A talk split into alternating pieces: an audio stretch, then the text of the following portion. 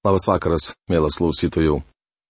Šiandien toliau keliaujame Biblijos puslapiais, Senuoju testamentu, nagrinėdami Izaijo knygą. Praėjusioje laidoje mes su jumis pradėjome šios knygos devintos skyriaus apžvalgą. Skyriaus tema yra pranašystė apie kūdikį, kuris užims Davido sostą, tamsios jo pirmojo ateimo dienos ir sunkios dienos prieš antrąjį jo ateimą. Mes su jumis išnagrinėjome rašto dalį nuo 8 skyriaus 23 iki 9 skyriaus 5 eilutės. Po maldos aš perskaitysiu jau išnagrinėtas praėjusioje laidoje eilutes, kurios primins mus apie tai, ką mes kalbėjome ir pratesime apžvalgą.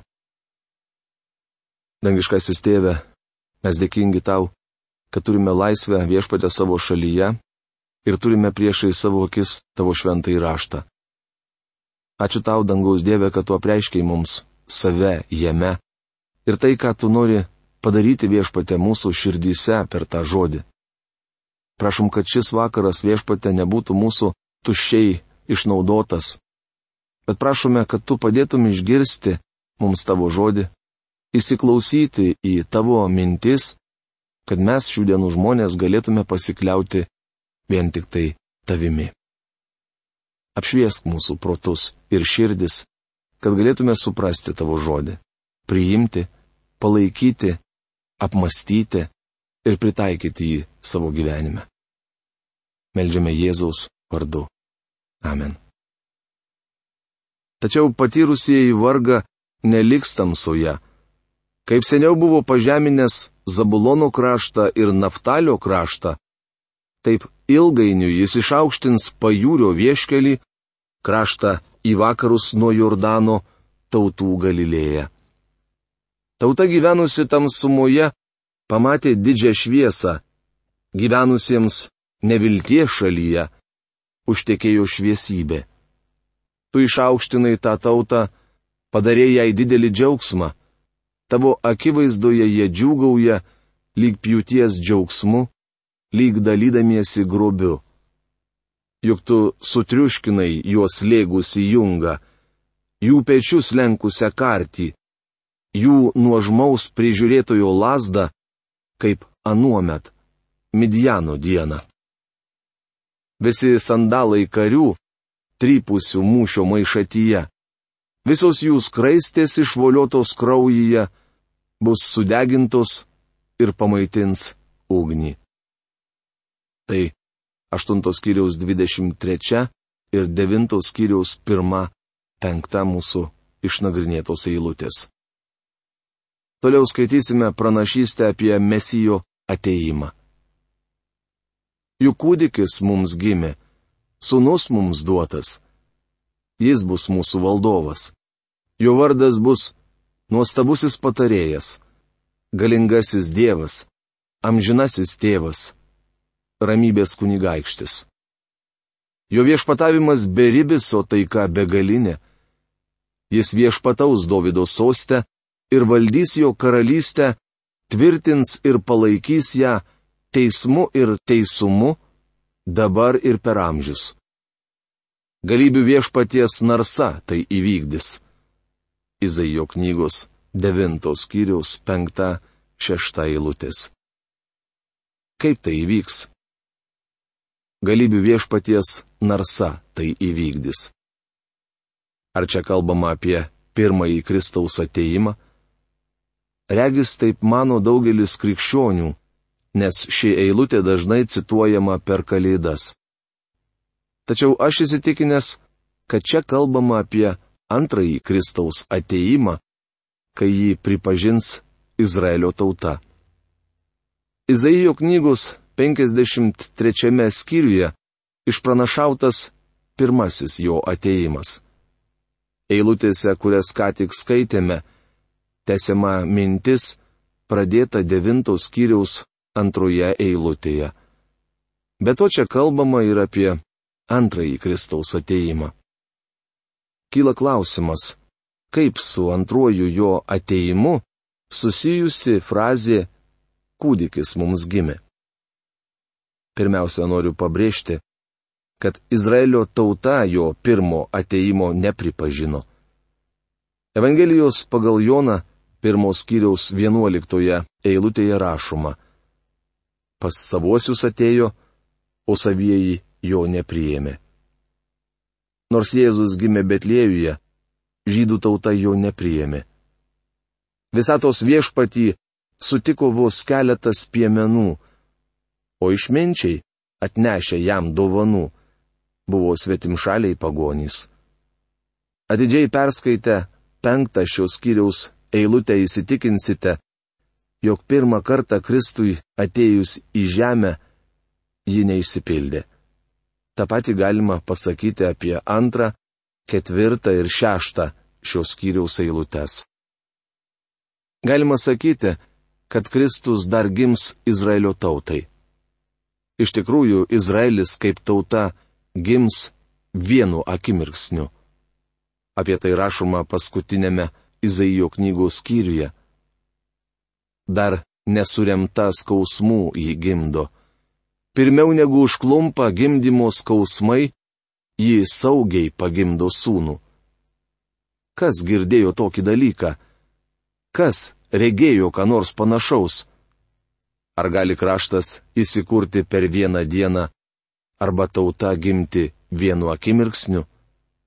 Tačiau Sionas gimdymo skausmams vos prasidėjus pagimdė savo vaikus. Tai prašoma Izaijo knygos 66 skyrius 7-8 eilutėse. Ateityje Izraelis pagimdys sūnų.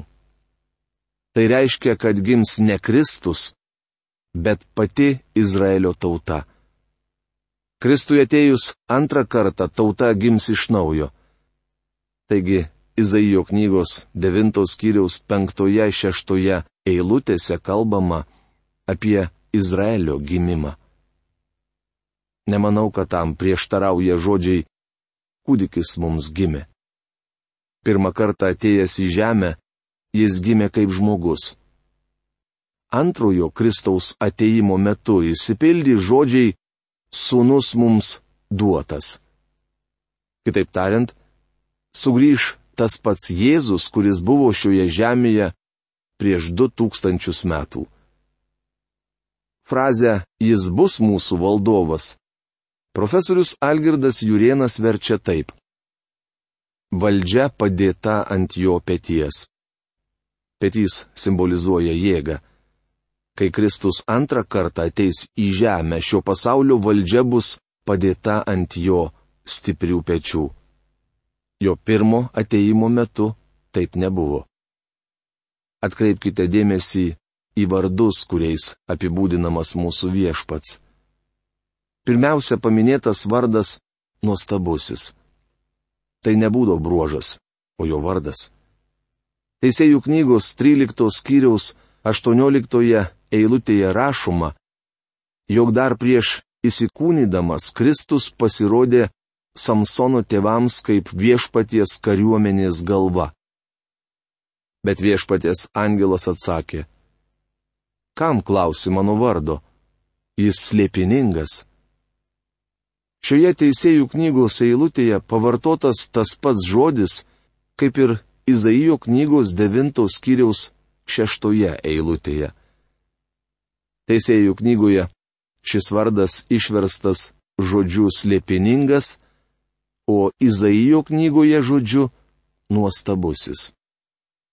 Evangelijoje pagal Mata 11 skyriaus 27 eilutėje viešpats Jėzus sakė, Niekas nepažįsta sunaus, tik tėvas. Jis buvo nuostabusis, tačiau žmonės to nežinojo. Ir šiandien dažnas žmogus to nežino. Kai kurie krikščionys, patikėję juo kaip savo gelbėtoju, iš tikrųjų nesupranta, koks jis nuostabus. Atėjęs antrą kartą, Kristus nuslopins maištą ir valdys žemę. Jo vardas yra nuostabusis. Kitas jo vardas yra patarėjas. Tai reiškia, kad jis niekada nesitarė su žmonėmis, ir neprašė jų patarimo. Laiško romiečiams 11 skyriaus 34 eilutėje apaštalas Paulius rašo. Ir kasgi pažino viešpaties mintį? Ir kas buvo jo patarėjas? Dievas neturi patarėjo. Viešpats Jėzus Kristus niekada nebuvo sukvietęs savo mokinių į pasitarimą ir neklausė, ką jų nuomonė jam reikėtų daryti. Šventajame rašte nieko panašaus nerasite. Viešpats pasikvietė mokinius ir pasakė, štai ką dabar darysiu, nes tokia yra mano tėvų valia. Pirmame laiške korintiečiams, pirmos kiriaus 30 eilutėje, apaštalas Paulius rašo, kad Kristus yra tapęs mums išmintimi. Daugelis iš mūsų nesame labai protingi, taigi mums reikia viešpaties pagalbos. Dar vienas jo vardas - galingasis Dievas - hebrajiškai yra El Gibor. Tai reiškia, kad jam duota visa valdžia. Nors Jėzus atėjo į žemę kaip mažas bejėgis kūdikėlis, jis turėjo visą valdžią. Jėzus sakė, man duota visa valdžia danguje ir žemėje. Jis yra galingasis Dievas. Kitas jo vardas - amžinasis tėvas arba amžinybės tėvas hebrajiškai yra aviat. Tai reiškia, kad jis yra visako, net laiko arba amžių kuriejas. Šis vardas taip pat reiškia, kad jis yra galutinis visako tikslas, kaip rašo apaštalas Jonas. Visa per jį atsirado ir be jo neatsirado nieko, kas tik yra atsiradę. Jono Evangelija, pirmos kiriaus trečia eilutė. Laiško kolosiečiams pirmos kiriaus šešioliktoje eilutėje apaštalas Paulius kalbėjo. Nes jame sukurta visa, kas yra danguje ir žemėje, kas regima ir neregima, ar sostai, ar viešpatystės, ar kunigaikštystės, ar valdžios. Visa sukurta per jį ir jam. Laiško hebrajams pirmos kiriaus antroje eilutėje skaitome. Dabar dienų pabaigoje jis, tai yra Dievas, prabilo į mus per sūnų, kurį paskyrė visatos paveldėtojų ir per kurį sutvėrė pasaulius, kitaip amžius. Graikų kalbos žodis aion turėtų būti verčiamas ne pasaulius, bet amžius arba laikus. Ši mintis grindžiama tuo, kad jo vardas yra amžinybės tėvas. Paskutinis mūsų viešpaties vardas paminėtas šioje eilutėje hebrajiškai skamba Sar Šalohim. Išvertus tai reiškia ramybės kunigaikštis. Žemėje nebus taikos ir ramybės, kol joje nekaraliaus Kristus. Jo valdžia nebus statiška, ji auks ir stiprės. Jėzui viešpataujant žemėje kiekviena diena bus kitokia.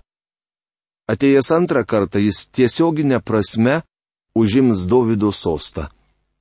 Kristus valdys teisiai ir teisingai. Tai įvykdys Dievo narsa, o ne žmonių užmačios. Izraelio pagalba. Likusioje devintos kiriaus dalyje nuo 7 iki 20 eilutės aptariama vietinė Izaijo laikų situacija. Šie pranašiški žodžiai netolimoje ateityje iš dalies išsipildė, tačiau galutinai išsipildys didžiojo suspaudimo metu. Dievas toliau baus Izraelį ir kitas nuo jo nusigręžusias tautas iki to laiko, kol Kristus ateis antrą kartą. Šiuolaikiškam žmogui nesmagu tai girdėti, nes daug mieliau klausytis paguodo žodžių. Atsiverskite istorinės knygas turiu omenyje Biblijos istorinės knygas ir perskaitykite, kas atsitiko Izraeliui ir kitoms Dievą palikusioms tautoms. Jų likimas liūdnas ir kraupus. Bijau, kad ir mūsų tauta baigia pripildyti Dievo rūstybės taurę. Jei išvengsime bausmės, būsime vienintelė nedora tauta pasaulyje, kurią aplenkė Dievo rykštė. Izaijo knygos dešimtas skyrius. Tema - vargas Asirijai įvykdžiusiai dievų bausmę Izraeliui ir didysis suspaudimas ir Armagedono mūšis. Toliau skaitysime Izaijo pranašyščių ciklą, kurio pradžia yra septintas, o pabaiga dvyliktas skyrius. Tai pranašystės, kurias Izaijas skelbė Ahazo valdymo dienomis. Jau minėjome, kad tai buvo blogas karalius. Tamsiu ir sunkiu laikotarpiu Izaijas pranašavo apie vietinę situaciją, tačiau šios pranašystės susijusios ir su tolima ateitimi, kuomet Dievas žemėje įsteigs savo karalystę. Dabar skaitysime dar vieną nuostabų Dievo žodžio skyrių. Jame išdėstyti svarbus principai ir milžiniškos programos, kuriomis Dievas vadovaujasi, valdydama žmonės ir tautas. Skiriaus pradžioje pateikiama trumpa ištarmė apie anų dienų teismus. Joje sakoma, kad neteisingi šalies teismai smūgdo tautos kultūrą ir užtraukia Dievo bausmę. Skaitydami šį skyrių pamatysime, kad teisdamas savo tautą Dievas panaudos asirus. Reikia paminėti, kad Asirija simbolizuoja būsimąjį šiaurės karalių, kuris paskutinėmis dienomis atžygiuos prieš Emanuelio kraštą. Ši pranašystė neapsiriboja artima Izaijo laikų ateitimi, bet siekia paskutinėsias Izraelio tautos dienas. Izaijas šių įvykių datą nusako žodžiais tą dieną. Skiriaus pabaigoje aprašyti šiurpus įvykiai priešo iš šiaurės atžygiavimas į Armagedono mūšį. Dievas teis neteisingus teisėjus. Vargas neteisingų įstatų leidėjams, kurie rašo neteisėtus potvarkius. Izaijo knygos dešimtos kiriaus pirmą eilutę. Vargas neteisingų įstatų leidėjams, tai yra tiems, kurie priima neteisingus sprendimus. Jie turėtų atstovauti teisingumui, tačiau patys elgesi neteisiai. Galbūt pirmos dvi šios kiriaus eilutės kam nors primena Platono ar kokio kito filosofo samprotavimus. Norėčiau, kad atkreiptumėte dėmesį į patį svarbiausią skirtumą. Yra ne tik žmonių teisingumas, bet ir Dievo teisingumas. Teisėjas sėdintis žemiškame soste turi vykdyti Dievo teisingumą ir yra prieš jį atsakingas.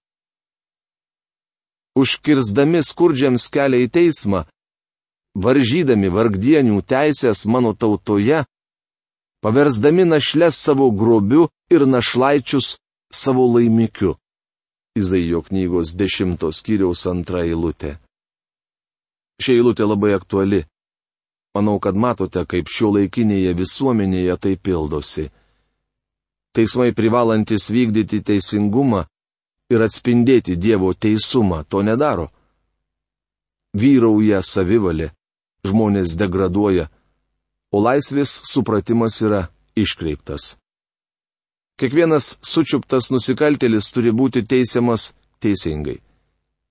Mūsų šeimos miesto gatvėmis galės ramiai vaikščioti tik tuo met, kai įstatymų laužytojai ir savo valiautojai bus baudžiami. Tačiau daugelis minkšta širdžių ir minkšta pročių teisėjų nusikaltelius paleidžia į laisvę. Taip elgdamiesi jie yra neteisūs mano ir jūsų šeimos atžvilgiu. Šiandien daug kalbama apie teisingumą. Be abejo, jo noriu ir aš. Noriu, kad nusikaltėliai būtų baudžiami ir aš galėčiau saugiai gyventi bei vaikščioti gatvėmis. Šiandien tamsių paros metu miesto gatvėse pavojinga ne tik moterims, bet darosi nesaugu ir vyrams. Kodėl? Dievas sako, kad dėl to kalta teisės sauga, nes teismai nevykdo teisingumo. Dievas paminė vargdienius, našles ir našlaičius. Manau, kad jiems labiausiai reikia teisingumo. Neseniai vienas žymus politologas televizijos laidoje pabrėžė, kad visos programos sukurtos padėti vargšams. Jiems tik pakenkė. Kodėl taip yra? Tik Dievas gali parodyti vargdienėms teisingumą. Teisėjai turėtų būti Dievo atstovai žemėje. Šiandien jų kėdėse sėdi daugybė bedievių. Nesuvokdamas, jog atstovauja Dievui, žmogus negali imtis teisėjo vaidmens. Tikriausiai žinote, kad Junktinės Amerikos valstijas įkūrė tikintį žmonės. Kaip pavyzdį galima paminėti Tomą Jeffersoną. Krikščionių jo nepavadintume, tačiau šis vyras vertino Dievo žodį ir gerbė jo mokymą. Mes taip nutolome nuo Dievo ir jo žodžio, kad šiandien teismuose ir vyriausybėje apie jį net neužsimenama. Nors teismuose padėjus ranką ant Biblijos prisiekiama kalbėti tiesą, tai yra visiškas farsas. Dažniausiai nei teisėjai, nei advokatai, nei prisiekusiai, nei pats kaltinamasis netiki, jog Biblija yra Dievo žodis netikinčiajam tai tas pats, kas prisiekti padėjus ranką ant reklamos laikraščio. Dievas kalba apie esminius principus. Jei teisėjas neatstovauja Dievui, jis negali atstovauti žmonėms. Mes taip nutolome nuo Dievo kelių, kad nebejoju, jog daugam ši mano mintis pasirodys senamadiška. Šiuo atžvilgiu aš iš tiesų konservatyvus. Ką darysite bausmės dieną? kai pražutis ateis iš toli? Pas ką bėgsite ieškoti pagalbos? Ir kur paliksite savo turtus? Izaijo knygos dešimtos skyriaus trečia eilutė. Dievas sako teisėjams, jūs turite atstovauti man, nes vieną dieną aš jūs teisiu. Manau, kiekvienas teisėjas turėtų suprasti, jog vieną dieną jam reikės stoti prieš Dievą ir duoti apskaitą už žemėje atliktus darbus. Regis šių laikinių teisėjų širdys paplūdusios krauju. Jie nori parodyti vargšui nusikalteliui gailestingumą, tačiau turėtų būti teisingi tiek turtingiems, tiek neturtėliams. Atpildo dieną neteisingi teisėjai stos prieš teisingą teisėją. Belieka tik viltis su belaisviais, arba tysoti tarp užmuštųjų. Todėl jo piktis neatlyžo, jo ranka vis dar pakelta. Izaijo knygos 10 skyriaus 4 eilutė. Iškreiptas teisingumas neaplenkia ne vieno visuomenės sluoksnio. Jis paveikia kiekvieną žmogų, visapusiškai smūgdydamas tautą. Mes grimstame vis gilin į purvą. Mėlyji, šioje rašto dalyje šiandien mes su jumis sustosime ir toliau skyrių nagrinėsime kitoje mūsų laidoje. Šiandien tiek. Iki greito sustikimo. Sudė.